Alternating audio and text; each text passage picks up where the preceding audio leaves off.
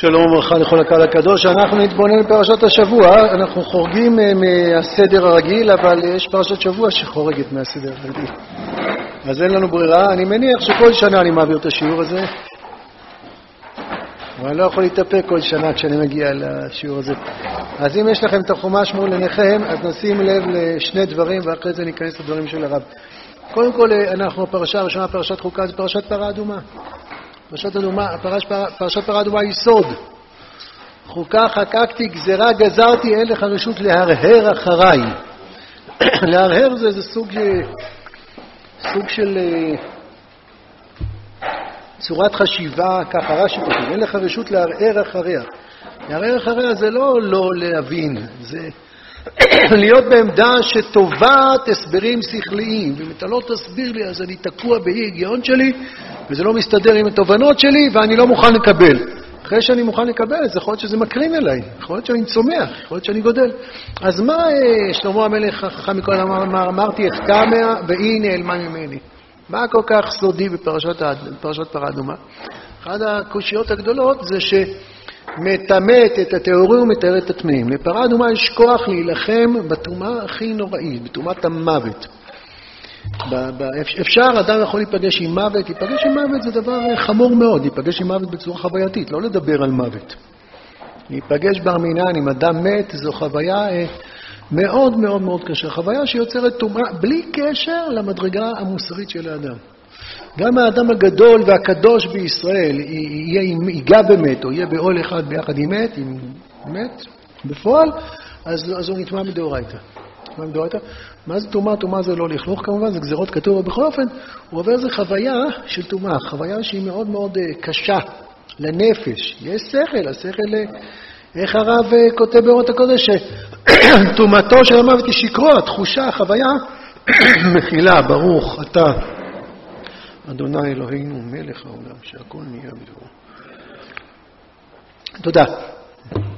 כשטומאתו של המוות היא שקרו, משום שאני פוגש מת וחושב שהוא מת, והוא לא מת. אה, הגוף שלו מת, כן. החוויה, זה חוויה, זה לא הסברים שכליים. חוויה שהחיים נגמרים. חיים נגמרים. לראות מת זה חוויה בעיניים. זו חוויה מאוד מאוד מזעזעת שהיא משקיעה איזו שכבה של אה, כאב, ייאוש אפילו, במעמקי הלב, ואי אפשר להשתחרר מזה. הדרך היחידה להשתחרר מזה זה, זה, זה פרה אדומה. אי אפשר לעלות לבית המקדש, אי אפשר לאכול קורבנות, אי אפשר להיפגש עם הקודש בצורה עליונה, כשהייאוש הזה שורה בליבנו. להיפגש במוות זה, ראיתי חיים, ראיתי יצירה, ראיתי עשייה, ראיתי... פתאום זה חתיכת בשר. לראות מת זה לראות שאנחנו בשר, שאנחנו... שאנחנו חומר, שאנחנו חומר, שאנחנו קטנים. בסדר, בשכל אתה מבין שהנשמה עזבה את הגוף והולכת לחיות חיים יותר מפוארים, יותר גדולים, יותר משמעותיים. נכון, אנחנו לא מדברים עכשיו על שכל, מדברים על חוויית החיים. והתורה הקדושה שלנו נותנת לנו כלים, דרכים, הדרכות, להתמודד גם עם הטומאה הזאת. זה לא קל ולא פשוט, זה לוקח שבעה ימים לפחות, אבל אפשר לצאת מזה, התורה נתנה לנו כלים. פרה אדומה, זו פרשה פלאית, שיכולה לקחת את הסיבוכים הכי קשים, את התרומות הכי הכי זוועתיות, ולעזור לנו להשתחרר מזה. דרך כהן, מפגש עם כהן, צריך ללמוד כל ההלכות. מה כל כך קשה בזה? יש פה משהו שהוא סותר את ההיגיון הפשוט. מתאר את, מתאר את הטמאים ומתאר את הטהורים. פרה הזו, ככה אומרים, כל מעשיה בטומאה, כל מעשיה בטהרה וכל מעשיה בטהרה. אני מתכוון שכל מי שלוקח איזשהו חלק בפרה אדומה הוא נהיה טמא. אנחנו מדברים על, סליחה, יש שני שלבים בפרשה הראשונה. הפרשה הראשונה זה עשיית הפרה. אז זה פסוק ו', פסוק ז', וכיבס בגדיו הכהן וחד בשרו במים, ואכל לבוא למחנה וטמא הכהן עד הערב. מי שזורק את עץ הערב וזוב שנות תולדת לתוך שרפת הפרה, הוא נהיה טמא. טומאה קלה, ורחץ במים וטהר בשרו במים, כמובן זה לטבול במקווה, כשר. אה, אבל הוא טמא עד, עד הערב. השורף אותה, גם כן, יכבס בגדיו ורחץ במים וטמא עד הערב. האוסף אותה, גם כן. וכיבס האוסף את אפר הפרת בגדיו עד הערב, ותלתו ישראל לגרג אותך וכל כל מי שהוא שותף בעשייה של פרה אדומה, בעשייה נהיה טמא. אתה יודע, אתה מכין את החומר שהוא זה שנותן תקווה, והוא זה שעוזר להילחם בחולשות, והוא מוסיף קדושה, והוא מוסיף רוממות, ועוזר לי להיפגש עם המשבר, ועוזר לי להיוולד מחדש, להתאר, זה אני עכשיו יכול להיפגש עם הקודש בצורה אמיתית, כל מי שנוגע בזה נהיה טמא. וגם אחר כך, זה האקטים של עשיית אפר הפרה. אחר כך אפר הפרה, כשמשתמשים אותו, אז הכהן שמזה, את, אה, את הפרה האדומה, וייזה הטהור על הטמא ביום שבוע השביעי, וחיטאו ביום השביעי כיבס בגדיו ואחז מים וטהר בערב. סליחה, בפסוק כ"א זה על תראה והייתה למחוקת, ומזה מי הנידה יכבס בגדיו, והנוגע במי הנידה יטמע דל. מי שמזה, מי שנוגע, זה כאילו, כל מי שנוגע בדבר הזה נהיה טמא. זה נשמע, זה נשמע מעיין של טומאה, ככה זה נשמע. יש פה איזו סתירה שקשה מאוד להבין אותה. מאוד מאוד קשה להבין אותה. אנחנו, התורה אומרת, שמי שצריך לטפל באפר פרה אדומה זה איש טהור. פסוק ט' אצלנו בפרק, ואסף איש טהור את אפר הפרה והניח מחוץ למחנה מקום טהור. זאת אומרת, אחרי שגורמים לעשות, מי שצריך לאסוף את זה ולהניח למשמרת, האיש הזה הוא איש טהור. מה זה איש טהור? מחלוקת גדולה בין הצדוקים לפרושים, מה זה איש טהור? ככה המשנה מספרת. להוציא מליבם של צדוקים. צדוקים אומרים, צדוקים יש להם היגיון בריא, קוראים לזה common sense. מה כתוב? זה מה יש. מה הפלפולים האלה של הרבנים? כתוב מחרת השבת, מחרת השבת. כתוב איש טהור, איש טהור. מה זה איש טהור? איש טהור לוקחים מי שהוא טהור. מה, מה זה איש טהור? איש טהור, מה זה? שהוא לא טמא. אבל הפרושים, אנחנו, בעזרת השם נזכה, אנחנו חושבים שהחיים יותר מורכבים. ומה שנראה לפעמים פשוט, לפעמים זה מעוות ומבולבל, נכון? אנחנו צריכים את חז"ל, תורה שבעל פה. וחז"ל אומרים שאיש טהור זה כוונה אחרת לגמרי. שני דברים חולקים הפרושים על הצדוקים. זו מחלוקת אחת שיוצרת מחלוקת. איש טהור, אומרים הפרושים, זאת אומרת, אומרים חז"ל, זה איש שמעולם לא נטמע. מיום שהוא נולד הוא לא נטמע. מעולם. מטומאת מת. מעולם מעולם לא נטמע. וזו פרוצדורה מאוד מסובכת, איך אני יכול לקבל אנשים שמעולם לא נטמעו. מדוע? משום שאם מישהו קבור באדמה והלכתי עליה, ואין שם אוהל שעוצר את הטומאה, טומאת התהום בוקעת ועולה עד לרקיע. ולכן, איך אני יכול לדעת שלא הלכתי פעם, לא דרכתי פעם על אדמה שלפני שלושת אלפים שנה קברו בה מישהו? הבוץ סחף את הגופה שלו ועוד נשארו עצמות והוא טמא. איך אני יכול לדעת? אז יש תיאורים מאוד מעוניינים. במשניות, מסכת אה, פרה, והרב מביא את זה בהלכות פרה אדומה. הרב אומר ככה, חצר הייתה בירושלים, זה, זה לשון המשנה, לשון מאוד דומה הרב במשנה. חצר הייתה בירושלים שבנויה על גבי סלע התהום. מה הפירוש? בדקו בירושלים, חפרו באיזה חצר מסוים, זאת אומרת, חצר זה מתחם. מתחם מסוים, חפרו עד, עד התהום, עד, עד סלע התהום. זאת אומרת, בדקו, אין מתחת, לא יכול להיות שמישהו קבור מתחת, כי זה, זה סלע התשתית. חפרו וחפרו את סלע התשתית, ואז הקימו על זה חצר. ובחצר הזאת, שפרה אדומה זה פעם, פעם בכמה מאות שנים, לפי הפשט הפשוט. כשראו שעוד כמה שנים ייווצר צורך בפרה אדומה חדשה, אז היו מביאים נשים עוברות, והנשים האלה הולכות לגור בחצר הזאת, והן היו יולדות ילדים, והילדים האלו נשארים שנים ארוכות בתוך החצר הזאת. אם יצאו מהחצר הזאת, הם מיד יטמאו. הם נשארים שנים ארוכות בחצר עד שהם יגדלו. כתוב איש, זה בר מצווה. יכול להיות שלא מתכוונים דווקא איש שהוא י"ג, יכול להיות, אבל הוא צריך להיות בן שבע, שמונה לפחות, כדי שהוא יעשה את העבודה שנקראת. שנים הם היו גרים שם, הילדים האלה שם, ואז כשהגיע הרגע, אז יש פרוצדורה מאוד הלכתית, איך הם אה, לוקחים אותם למעיין השילוח, כי צריך לשאוב מים מעיין השילוח, ואיך הם לא יקבלו טומאה, איזה פרים מיוחדים. לקחו את הילדים שהשקיעו שנים ארוכות. זה מאוד לא פשוט, אני ארחיב מיד להסביר למה זה מאוד לא פשוט. והילדים האלה זה האיש טהור. זה ואסף איש טהור את אפר הפרה, והנה איך רוצים בכלל מקום טהור. זה איש טהור. זה איש טהור זה שמעולם נטמע. אבל, אבל, רגע לפני שהם היו הולכים לשאוב את מי הפרה, לאסוף את, את, את, את מי החטאת ולאסוף את הפרה, היו לוקחים שרץ מת ונוגעים בהם. היו מטמאים אותם. מטמאים אותם. למה להוציא מליבם של צדוקים? הילדים האלה, לפי הצדוקים, הם פסולים עכשיו, כי הם טמאים. כתוב איש טהור והם לא טמאים. הם לא טהורים, הם טמאים. אבל הפרושים בכוונה היו עושים את זה, להוציא מליבם של צדוקים. להגיד לצדקה, אתה לא מבינים שום דבר.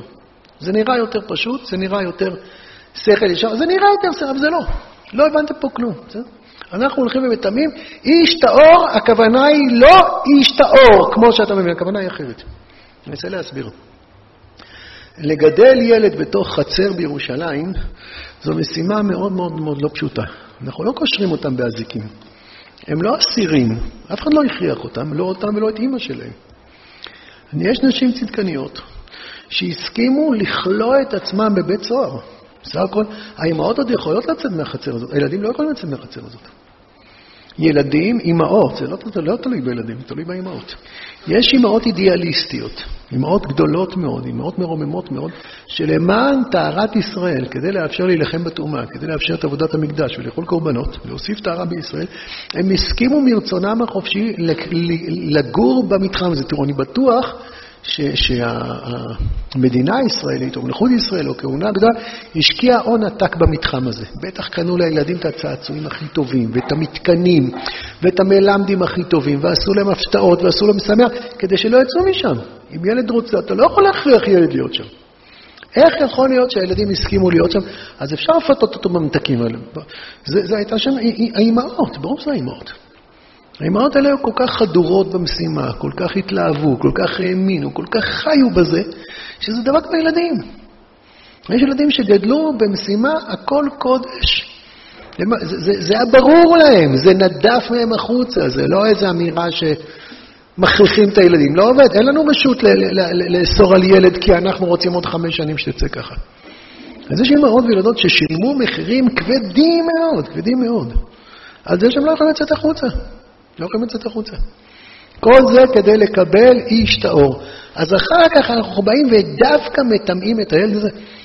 נכון, כי לפי הפרושים, לפי חז"ל, לפי התורה, באמת, אז איש טהור זה אדם שמעולם לא היה תממת. הוא יכול להיות אה, טומאת שרץ, טומאה קלה.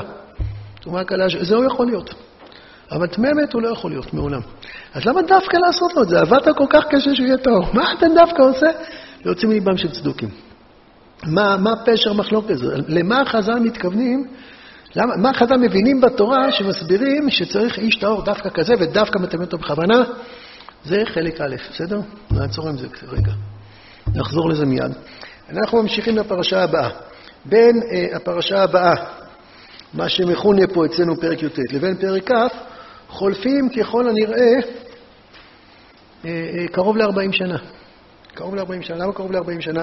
כי פרה אדומה זה בתחילה, ותמות שם מרים, פרק הפסוק ותמות שם מרים, אז מרים מתה בשנה האחרונה, זאת אומרת י' בניסן של השנה ה-39 כנראה, שנה 39 הולכת להסתיים עוד כמה ימים, אולי אם אנחנו סופרים מאלף ניסן זה כבר שנה 40, בי' בניסן עוד שנה עם ישראל ייכנס לארץ ישראל, זה יום מעבר הירדני. אז בי' בניסן, ויבואו בני ישראל מצרים בחודש ראשון, ותמות משם מרב ותיקבר שם, ו... ולא היה מים לעדה. למה לא מים לעדה? כי חז"ל לומדים שכל המים לעדה הגיעו בזכות מרים. בזכות מרים יש באר, זה מדבר, אין מים, יש באר. אז אין מרים, אז אין באר, ויקהלו על משה ועל אהרון. וירא העם ממשה ויאמרו לאמור, ולו גבנו בגבה אחינו לפני אדוני. ולמה את קהל אדוני למדבר הזה למות שם אנחנו ועירנו? ולמה העליתונו ממצרים להביא אותנו למקום הרע הזה, לא מקום זרע ותאנה וגפן ורימון ומים מים לשתות? אז מה משה עונה להם? משה לא עונה להם. אפילו מילה אחת הוא לא עונה להם. עם כוח דתם ואבירם לפני 40 שנה הוא התווכח, ועכשיו הוא לא עונה להם מילה. מה הוא אומר? ויבוא משה ואהרון לפני הקהל לפתח חול מועד ויפלו על פניהם וירק כבר אדוני אליהם. הם לא מדברים, נופלים על פניהם. בלי מילה. ואז הקדוש ברוך הוא נותן פתרון. וידבר אדנם שלאמור, קח את המטה והקל את העדה, אתה ואהרון אחיך, ודיברתם אל עשה לעיניהם, ונתן מימה והוצאת להם מים מן הסלע, ושקית את העדה ואת בעירם. ואז במקום משה, במקום לדבר אל הסלע, אז ויקילו משה ואהרון את הקהל פני הסלע, ואמרו להם, שימונה המורים, מן הסלע הזה נוציא לכם מים? זו מין שאלה רטורית כזאת? כן, הרי ברור שמן הסלע הזה תוציא לכם מים. ויעלה משה את ידו, ויח את הסלע במטהו פעמיים, ויצאו מים רבים, ותשתה ידיה בבעירם. וזה אנחנו לא מבינים. למה? הקדוש ברוך הוא אמר לו, ודיברתם אל הסלע.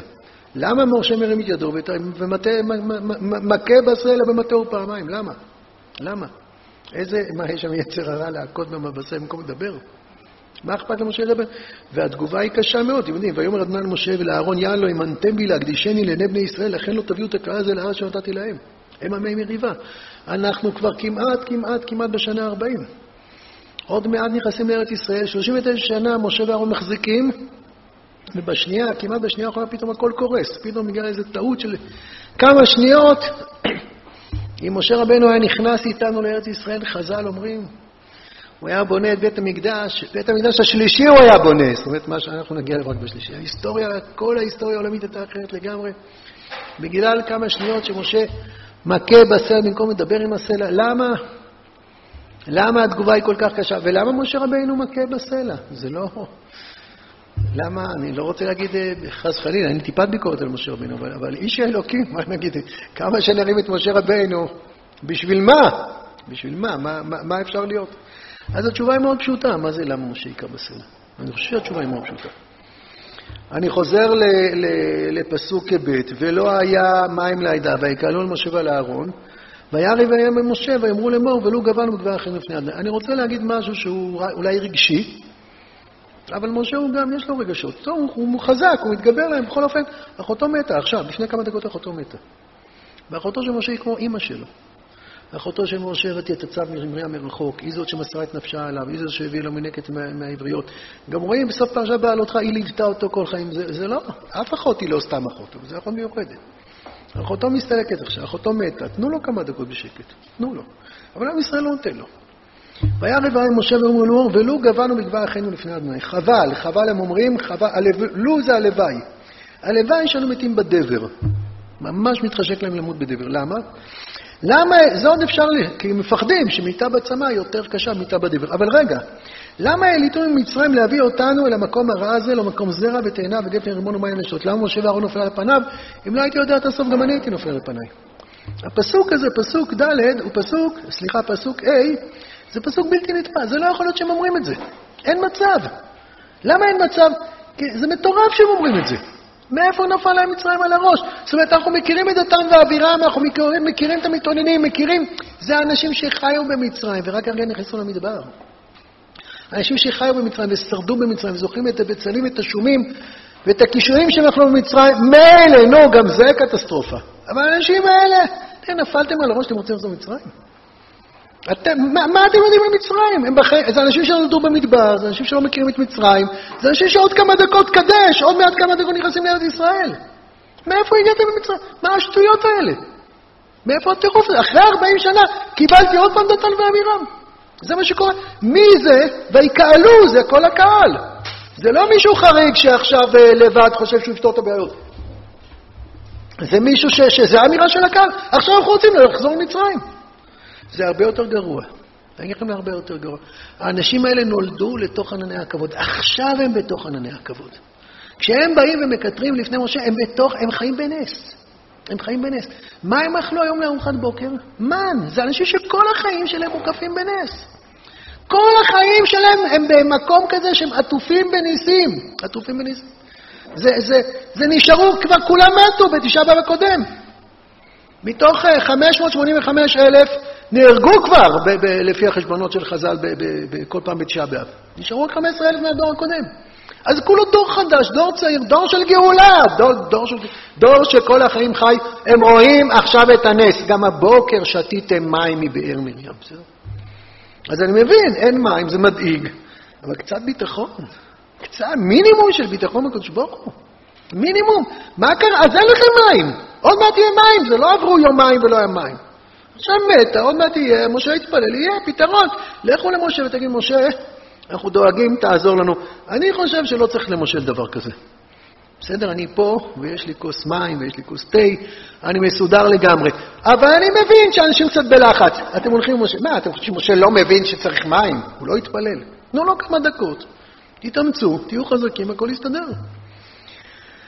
אבל אה, למה למות, אנחנו ועירנו, עכשיו על הפרות שלהם ועל הכבשים שלהם, אלה הילדים שלהם, אבל הם חושבים על הכבשים שלהם. זו אמירה כזאת אה, אה, מייאשת, אני חושב. מייאשת. כשאתה שומע את זה, תגיד, בשביל זה הסתובבנו במדבר 40 שנה? זו הסחורה שקיבלנו? אתה עכשיו, איפה טיפת אמונה, טיפת ביטחון? יהיה בסדר, יהיה בסדר. הכל ניסים, ניסים, ניסים, בתוך הניסים פתאום קשה. עוד לא קשה, עוד מעט יהיה קשה. הם לא אומרים עכשיו אנחנו גובים, ולו גבנו, בטח נמות עוד מעט בצמא. תבקשו בעדינות, תבקשו תפילה, תגידו, אולי נחזור בתשובה, אז למה אין מים? כי לא מגיע לכם מים, במובן הכי פשוט. אז עם ישראל מתנהג בצורה קטסטרופלית. עם ישראל מתנהג בצורה זוועתית, אז מה אפשר? אין מה לדבר איתם בכלל. אין מה לדבר איתם. אז הם נופלים על פניהם. אתם יודעים מה זה ליפול על פניהם? דרך חס וחלילה אדם נופל, אז כל אשר לאיש ייתן בעד נפשו. עוצר עם הידיים, שהוא לא ייפול על הפנים. ליפול על הפנים זה כמו בכוונה, אבל משה, זה נראה שמשה מתרסק על הרצפה.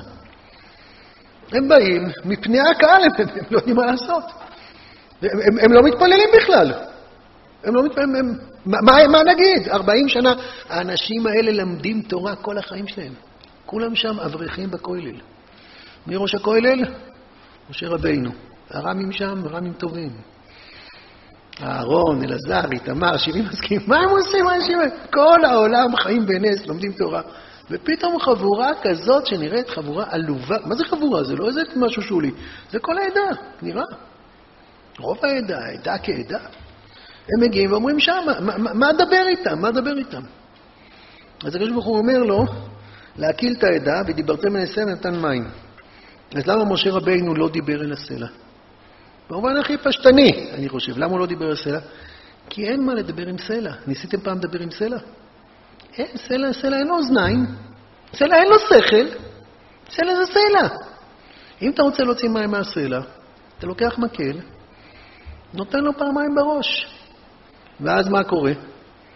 זה נס מטורף, איך יצאו מים מהסלע. זה נס בלתי נתפס, זה נס אדיר. מה התברר? התברר שמתחת לסלע היה מעיין, נסתר. אולי המעיין כבר חדר, ביעבע את כל הסלע. זה תהליכים גיאולוגיים של מיליוני שנים. איך הקדוש ברוך הוא זימן שהאקוויפר יעלה, יצוף כלפי מעלה, בדיוק בסלע, סתם סלע מתוך מיליוני סלעים, בדיוק במקום הזה, ומשה רבינו נותן איזה בומבה אחת גדולה, שובר את הקליפה, ואז מתגלה המעיין. למה לא לדבר עם הסלע? כי הוא סלע, מה זה? למה בכלל שם מה לדבר על סלע? עם סלע, אין לו אוזניים. אין לו אוזניים. אז אין אוזניים. למי אין אוזניים? לעם ישראל אין אוזניים. עם ישראל הוא סלע. עם ישראל מתנהג כאילו אין לו אוזניים, כאילו אין לו שכל, אין לו דת, אין לו תבונה, הוא חסר משמעות. עם ישראל מבכיין, עם ישראל מקטר. אני אומר מילים לא יפות, אבל זה, אבל זה המצב, ככה זה נראה. עם ישראל מתנהג בשפל המדרגה, עם ישראל מתנהג בצורה זוועתית. שוב, זה מתחיל בחוסר הרגישות האנושית, אני יודע שאנחנו צריכים לעלות לקומות הרבה יותר גבוהות, אבל ברמה הכי, הכי זה, תן לו רגע, לקבור את אחותו, תן לו, יהיה בסדר. בתוך הנס, בתוך ההשגחה, איפה כל הדבר, איפה ארץ ישראל? מה, להגיע לארץ ישראל, עוד פעם תתחילו בחיין כל פעם שקשה לכם? אז אין עם מי לדבר. אין עם מי לדבר. תראה, אתה יכול לדבר. אתה יכול לשכנע. את מי? שיש לו יכולת הקשבה. את מי שיש יוצא. יש פה איזה אוזן, יש פה איזה מוח, יש פה לב. אם אין לב, מה אני מדבר? אין עם מי לדבר. אם אין לב, אז יש קליפה, אם אתה מאמין. אם גם אתה לא מאמין, אין לך מה לתת מכות, כי זה לא יעזור. אם יש קליפה, לפעמים נותנים בראש. לא עוזר, נותנים עוד פעם בראש, ואם באמת יש שם משהו, אז יוצאים, מה חיים? מה חיים? מה היה קורה, למה לא האמנתם בי להקדישני לעיני בני ישראל? זה קידוש השם אדיר. כשמישהו נותן מכה פעמיים בסלע ויוצאים מים חיים, זה קידוש שם עליון. מה העונש? העונש זה לא עונש, אתם יודעים, העונש אלוקי אף פעם לא עונש, זה התוצאה. אתם מכים בסלע, אתם לא יכולים להיכנס לארץ ישראל. במדבר אפשר להכות בסלעים. בארץ ישראל אי אפשר להכות בסלעים. זה כתוב, יען, הוא אומר במפורש, לא עושים פה אחד ועוד אחד שווה שתיים, זה כתוב במפורש. התורה עשתה את זה. יען לא האמנתם בי להקדישני לבני ישראל, לכן לא תביאו את הקהל הזה לארץ. לא תביאו, זהו, נגמר. ואחרי זה משה יתחונן, זה לא יעזור. מי שיכה בסלע, במקום לדבר אליו, לא ייכנס לארץ ישראל. אז למה משה היכה בסלע? כי שוב, כי עם ישראל מתנהג כמו סלע. כאילו, כאילו יש לו שכל של סלע. כל הביקורות, כבר אמרתי, אין לי צורך לחזור עוד פעם ל, ל, ל, למה אליטונים ממצרים. זה לא נורמלי, מה, הם רוצים לחזור לעבודת פרך? על מה הם מדברים? אז, אז זה צודק. זה צודק באמת שמי שמדבר ככה צריך, צריך לתת לו מכה בראש פעמיים מטה, כנראה זה מטה רציני, אבל זה לא בארץ ישראל. אתה לא נכנס לארץ ישראל ככה. כך כתוב פה. מי שכך לא נכנס לארץ ישראל. בארץ ישראל אין ברירה, בארץ ישראל מדברים עם סלעים, ככה זה. בארץ ישראל יש אנשים שמדברים כמו סלעים, או שמקשיבים כמו סלעים. כאילו אין להם שכל, כאילו אין להם לב. כאילו במקום נשמה הם, הם עם לב של אבן. ככה זה נשמע. יהיו בארץ ישראל, כך כתוב פה, זה בעצם... יהיו בארץ ישראל אנשים שכל אדם נורמלי יקשיב להם ויגיד, אין עם מי לדבר, זה רק בכוח. רק בכוח, צריך לפתור את הבעיה הזאת. או שנפתור את זה פתרון דמוגרפי, נהיה יותר הרבה מהם, או שניקח רוב בכנסת וננצח, או שגם אנחנו נתחיל לשלוט. יש כל מיני פתרונות כאלה, שזהו, אתה לא צריך מקל ככה, יש הרבה סוגים של מקל חובלים. יש הרבה סוגים כאלה, אבל אין מה לעשות, אחרת זה לא עובד, אחרת זה לא עובד. והקדוש ברוך הוא אומר למשה, מי אני? אני לא מעז להעביר ביקורת על משה. אני רק קורא פשט הפסוקים. ככה לא יהיה בארץ ישראל. בארץ ישראל יש משהו מוזר. בארץ ישראל מדברים עם סלעים. אבל הם סלעים, זה סלעים מיוחדים בארץ ישראל. סלעים מיוחדים. אתם יודעים, אנחנו בחברון, האבנים בחברון מאוד חזקות. הגמרא אומרת, חברון אדמת טרשים.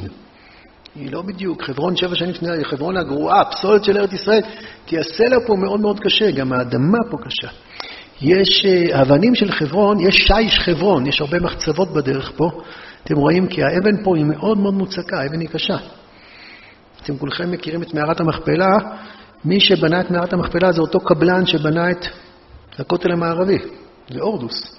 אותו קבלן, אותם שיטת עבודה, אותה ארכיטקטורה, זה האבנים האלה עם המסגרת הזאת מבחוץ, רק אתם בתור אה, תושבי חברון יודעים את ההבדל העצום בין הכותל למערת המכפלה, שהכותל הוא סחוף אורחות, והכותל הוא מפורר, ובכותל יש הרבה שקעים, ואבנים חלקות. פה, בחברון, כאילו הורידו את הניילונים שבוע שעבר. האבן היום והאבן בזמן הורדוס נראית כמעט אותו דבר. כל השחק, עברו אותם אלפיים שנה, ופה יש יותר רוחות מירושלים, ובכל אופן האבן, האבן פה היא חזקה חזקה. הערבים קוראים לאבן בחברון אבן יהודית. זה הביטוי שלהם, זה השפה שלהם. אבן יהודית. למה? יהודים. יהודים אה, קשים, קשים. להיות יהודי פה בחברון תחת משטר מוסלמי כל כך הרבה מאוד שנים, להמשיך להיות יהודי, זה, זה, להיות, זה קשה להיות יהודי. זה, זה קשה להיות יהודי קשה. צריך הרבה עוצמה בשביל להיות. אבן זה אדם, זה אפשר. אבן מנצחים. אתה מרביץ פעם, פעמיים, לא הולך, אתה מביא קשילים, קליפות, גרזנים, דיניינים, בסוף אתה יכול לעלות אפילו על כל מיני מקומות שפנויים מאבן. אתה יכול, אבל האבן הזאת היא אבן אחרת. אבן אשר אבניה ברזל, בארץ ישראל האבנים מברזל, אבל זה אבנים שצריך לדבר איתם. למרות זה בלתי נתפס, אין שם אף אחד, הוא נראה סתום לחלוטין ואטום לחלוטין, אז אתה לא מבין. אז ככה לא מדריכים בארץ ישראל. ישראל אתה הולך לאנשים שמתנהגים כמו אבנים, אבנים קשות, ואתה אומר, אבניה, אל תקרא אבניה, אלה בניה, תקרא בניה לבוניה. משם רואה אבן ישראל, אבן, אבן, המשיח נקרא אבן, נכון? בחזון של דניאל מתגלגלת אבן קטנה ושוברת את כל הפס של אברהם דמרות, האבן הקטנה הזאת זה, זה המלך המשיח. יש משהו באבן, אבן זה ארץ ישראל, יש משהו באבן שהוא נראה, נראה, נראה מאוד מת. נראה, אבל יש, יש אבנים שהם לא כאלה, יש אבנים שצריכים, האבנים האלה צריכות שידברו איתם. אז ככה זה האבנים האלה. כשלא מדברים איתם, הם בלוקים, הם אטומים לחלוטין. זה בלתי, זה משגע, משגע עד רמת האטימות, כמו בלוק, כמו בלוק. אבל אם מדברים עם האבן הזאת, קורה משהו פלאי. אם משה רבנו היה מדבר עם הסלע ולא היה מכה בסלע, אז היה נס אחר לגמרי, זה להקדישני. היה נס אחר לגמרי. אם הוא מכה בסלע, אז היה מעיין והאבן הפריע למים להחיות אותנו, נכון? אבל אם הוא היה מדבר עם הסלע והיוצאים מים, אז מה? אז היה נס אחר לגמרי. מה היה הנס?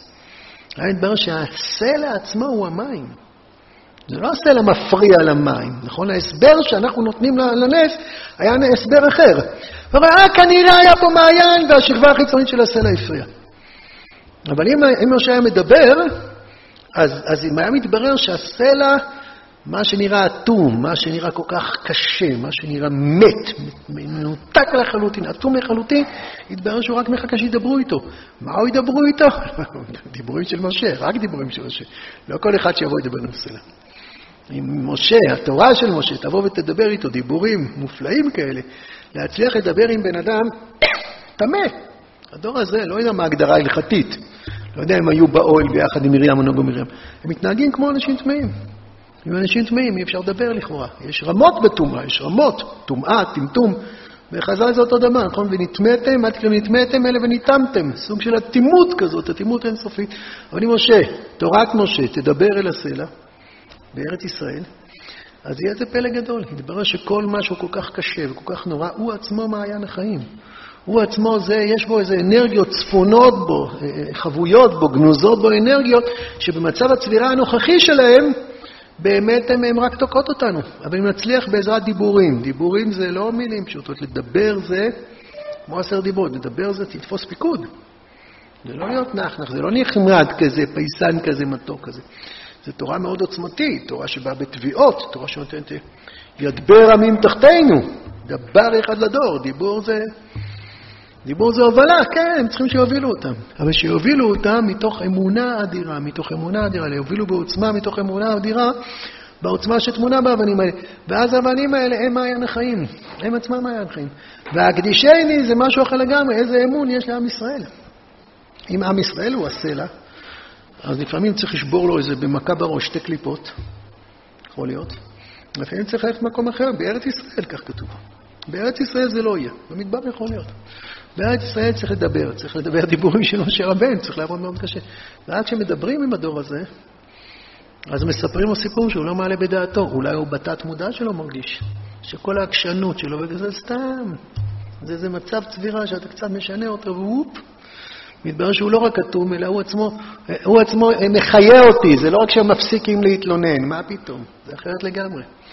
אז אתה בא לעם שמתנהג בצורה מאוד קטנה, מאוד עלובה, ומאוד מבישה, ואתה, ואתה מדבר איתו, אתה מאמין בו, אתה רואה בעיניים, אתה אוהב אותו.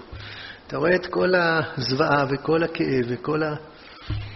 יש, יש אה, אה, אה, חסד כזה, יש פייסנות כזאת, יש אמונה כזאת שנראית אה, נאיבית, שנראית כאילו היא לא מבינה את הקשיים, והיא לא מבינה את הצרות, והיא לא מבינה את הסיבוכים. היא חושבת שזה סתם, והיא לא יודעת כמה תככנות יש, וכמה פוליטיקה יש, וכמה כוחות שליליים יש, וכמה גיצים מוכרחים להידייך. יש באמת את זה. לפעמים אנשים באמת נאיבים, ולפעמים באמת אנשים אה, אה, באים בעין טובה ובלימוד זכות, כי הם לא מבינים את גודל השבר. אבל יש תלמידים כאלה שמשה רבינו, ככה הרב כותב במקומות אחרים, שהם מכירים את עומק הרוע הרבה יותר מכל המבקרים והמקטרגים. תלמידי חיים עליונים כאלה שמכירים, מכירים, יודעים בדיוק את כל הבעיות. הם לא עושים שום הנחות ולא צובעים בברות שום דבר. הם רואים את כל הקושי של הסלע, את עורלת הסלע הכבירה הזאת, ואף על פי כן הם יודעים שאם נדבר, יקרו דברים אחרים לגמרי. שיש קושי, אבל אין שם רוע ואין שם רשעות, יש הרבה בעיות, ויש הרבה ייאוש, ויש הרבה תסכולים, ויש חוסר אמונה וחוסר תקווה, ואת זה אפשר להושיע בדיבורים. דיבורים זה תורה, דיבורים זה חיים. דיבורים זה חיים. וזה, לעניות דעתי, מסביר קצת את הפרשה הראשונה. כי יש לנו טומאה, ואנחנו רוצים להרבות טהרה בישראל. אנחנו רוצים להרבות טהרה בישראל. אז מה עושים בשביל להרבות טהרה בישראל? אומרים צדוקים, יש פה הוראות הפעלה, תביא איש טמא, לזרוק עליהם, תביא איש אתה רוצה. הפרוש אומר, אתה לא מבין כלום. אתה לא מבין כלום. קצת קשה להבין את הפרושים, אבל תמיד הם צודקים. תמיד הם דברים את דבר אלוקים. אתה לא מבין כלום. איש טהור זה בכלל לא איש טהור. ואיש טמא זה בכלל איש טמא. זאת אומרת, כדי לדעת אם האיש טהור או טמא, זה מאוד מאוד שטחי לבדוק עכשיו את המצב הטכני שלו. האם באופן טכני אני עכשיו במקרה טמא או טהור, זה לא מי שאתה, זה לא מי שאתה. איש טהור זה מי שהאישיות שלו טהרה. איש טהור זה מי שמסר את נפשו על הטהרה. איש טהור יכול להיות אדם מנוול וטמא, שבמקרה הרגע הוא טהור. אז מה, הוא איש טהור? הוא איש. תשאל אותי מה המצב שלו, הוא טהור. בסדר? איש, איש טמא. אז מישהו שעכשיו נגע בו הטומאה, הוא טמא? הייתה איזה פשטה, הייתה איזה תאונה, הוא נגע בעכבר מת בלי כוונה, הוא נהיה טמא, אבל זה איש טהור. בסדר? איש, איש צודק. זה במקרה מישהו אמר משהו לא נכון, אז הוא הפסיק להיות, הוא איש צודק, כל החיים שלו איש צודק, ואיש של צדק, ואיש של אמת, ואיש... אז יכול להיות שהייתה פה איזה טעות קטנה. ומי שכל החיים שלו מנוול, ופעם אחת הוא לא טעה, אז הוא איש אמת. לא מדדים דברים באופן אמיתי כזה לפי איזו חריגה חד פעמית, צדדית, לא באופן טכני. עכשיו אני הצד צודק, לא. אנחנו לא שוויוניים פה. איש טהור, מבינים על הפרושים, מלמדים אותנו פרושים, מדבר אלוקינו. איש טהור זה מי שמוסר את נפשו להרבות טהרה בישראל. זה איש טהור. איש טהור זה איש ששנים, זה אימא שלו בכלל, זה אישה טהורה. זה אישה שבמסירות, לא רק מסירות נפש, אלא גדלות של אמונה, היא באמת מאוהבת בעם ישראל. בעם ישראל הטמא. מה אכפת לכם? אתה טמא, תיזהר, אל תהיה טמא, שבור את הראש. האנשים האלו לא אמרו, הם לא חייבות שום דבר לאף אחד. שום דבר לאף אחד. הם באו והתנדבו במסירות נפש אדירה. שוב, זה שהם היו בבית כלא, זה לא מרשים אותי. זה שהם הצליחו לשכנע את הילדים הקטנים שלהם בגיל שלוש וארבע וחמש ושש להישאר פה, היה להם כאבי שיניים והם בכו, וכל הכיתה יצאה לטיול שנתי. הם הצליחו להזרים להם איזו אמונה אדירה כזאת, כמו השליחים של חב"ד, יום ג' תמוז. אז מותר לנו להגיד תודה רבה ביום הזה לרבי זצ"ל, שגם מארח אותנו פה בבית הזה, שהוא קנה אותו. ש, שיש הרבה שלוחים ש, שמגיעים לכל מיני מקומות אה, קשים מאוד, קשה לגדל שהם ילדים וקשה זה, והם מצליחים, השלוחים, מהכוח, הגדול של חסידות חב"ד, מצליחים לטוע בהם את האור הזה בהם, את הגאווה הזאת, את הגאווה בדרך, את, הם, הם לפעמים בודדים בכיתה, לפעמים בודדים בחברה, והילדים הם מצליחים, האמהות האלה, החב"דניקיות, את אהבת ישראל הגדולה שלהם, את השליחות הזאת, מצליחים להעביר לילדים. ברוך השם, המצב החינוכי שם לעילא ולעילא. אז אני חוזר לאימהות האלה, השלוחות האלה, שנשמת האומה, של טהרת האומה, שהצליחו לגרום לילדים האלה. אה, זה, זה, זה איש הטהור, זה, זה, זה מה שיש בילדים שלהם.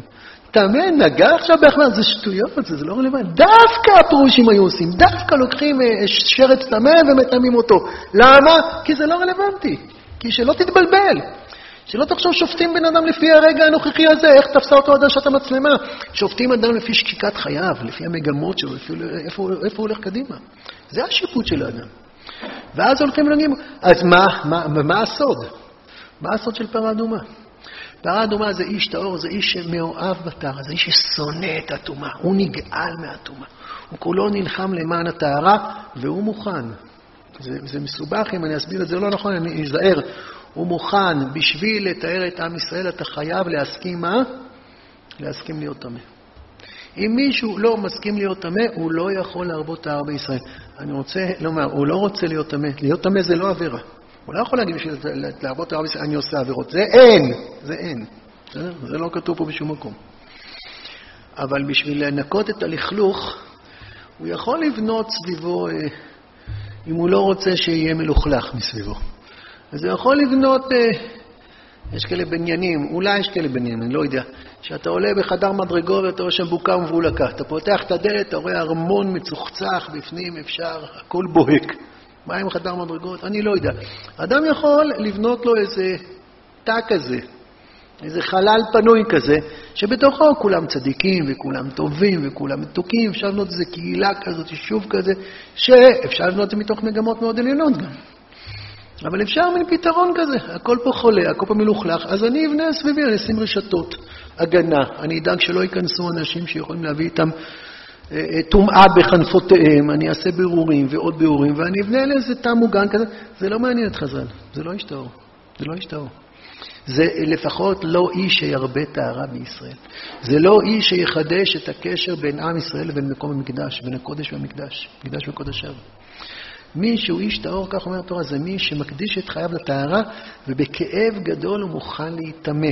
טומאה קלה, טומאה עד היום, אל תזלזלו בזה. איש טהור זה איש שמאוהב באנשים הטמאים. הוא רואה את הטמאים. הוא אומר, אתם מתנהגים כמו אבנים, אין לכם שכל, זה נראה שאין לכם שכל, אבל אני מאמין בכם. אני, אני יודע שאם תיפגשו עם הטהרה, תיפגשו עם הדיבורים, זה, זה המעיין שלנו, מה זה המקווה שלנו? הרמב"ם קורא לזה מי הדעת העליונה. התורה הפנימית, התורה הגואלת, התורה של, ש, ש, של האידיאלים האלוקים, התורה ש, ש, ש, ש, של גילוי של שכינה בישראל.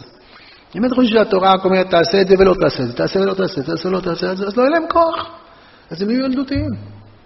יש דורות כאלה, בטח זה הדורות של כניסה לארץ ישראל, שמבקשים, שוקקים, אין להם ברירה, כי לא להם בחירה חופשית.